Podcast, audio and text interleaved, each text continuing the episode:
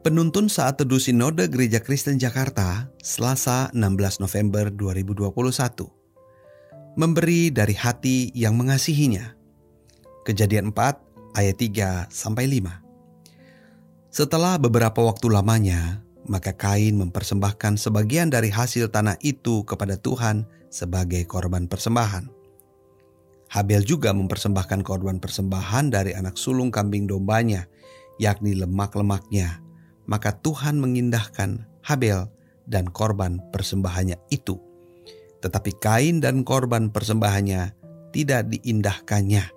Lalu hati Kain menjadi sangat panas dan mukanya muram.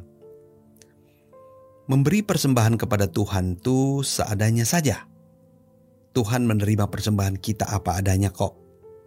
Kira-kira seperti inilah kalimat yang sering terdengar dalam percakapan orang Kristen Pengertian bahwa Tuhan menerima kita apa adanya sungguh benar. Akan tetapi, sebagai orang yang telah menerima kasih terbesar dari Kristus Tuhan kita, maka tidak pantas memberikan persembahan dengan prinsip seadanya. Prinsip seadanya menunjukkan sikap hati yang tidak menghargai Tuhan.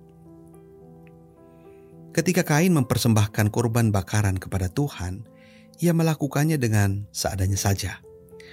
Alkitab mencatat bahwa Kain mempersembahkan sebagian dari hasil pertaniannya. Dasar hati Kain yang tak menghargai Tuhan menyebabkan ia tak menaruh perhatian pada cara mempersembahkan kurban bakarannya. Hati yang tidak menghargai Tuhan adalah hati yang tidak mengasihi Tuhan. Jika sudah begitu, maka Kain tidak akan mempersiapkan hasil pertanian terbaiknya sebagai bahan persembahannya. Dalam imajinasi saya, besar kemungkinan bahwa Kain sembarang mengambil buah-buahan dan meletakkannya di tempat pembakaran.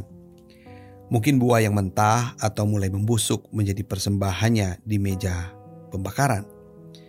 Berbeda dengan Habel, Alkitab menuliskan bahwa ia mempersembahkan anak sulung dari kambing dombanya kepada Tuhan.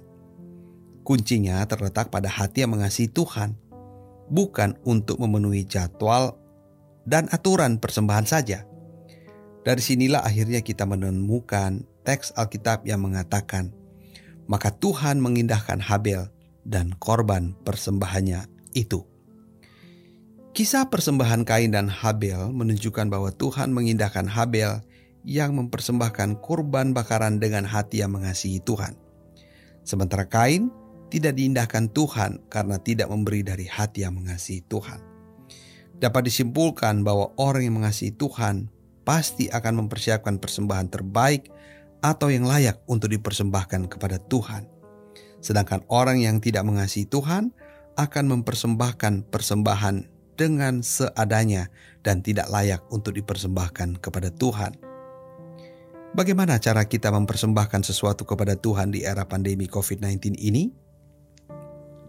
Hati yang mengasihi Tuhan dengan sungguh tahu bagaimana memberi persembahan yang pantas kepada Allah. Tuhan Yesus memberkati.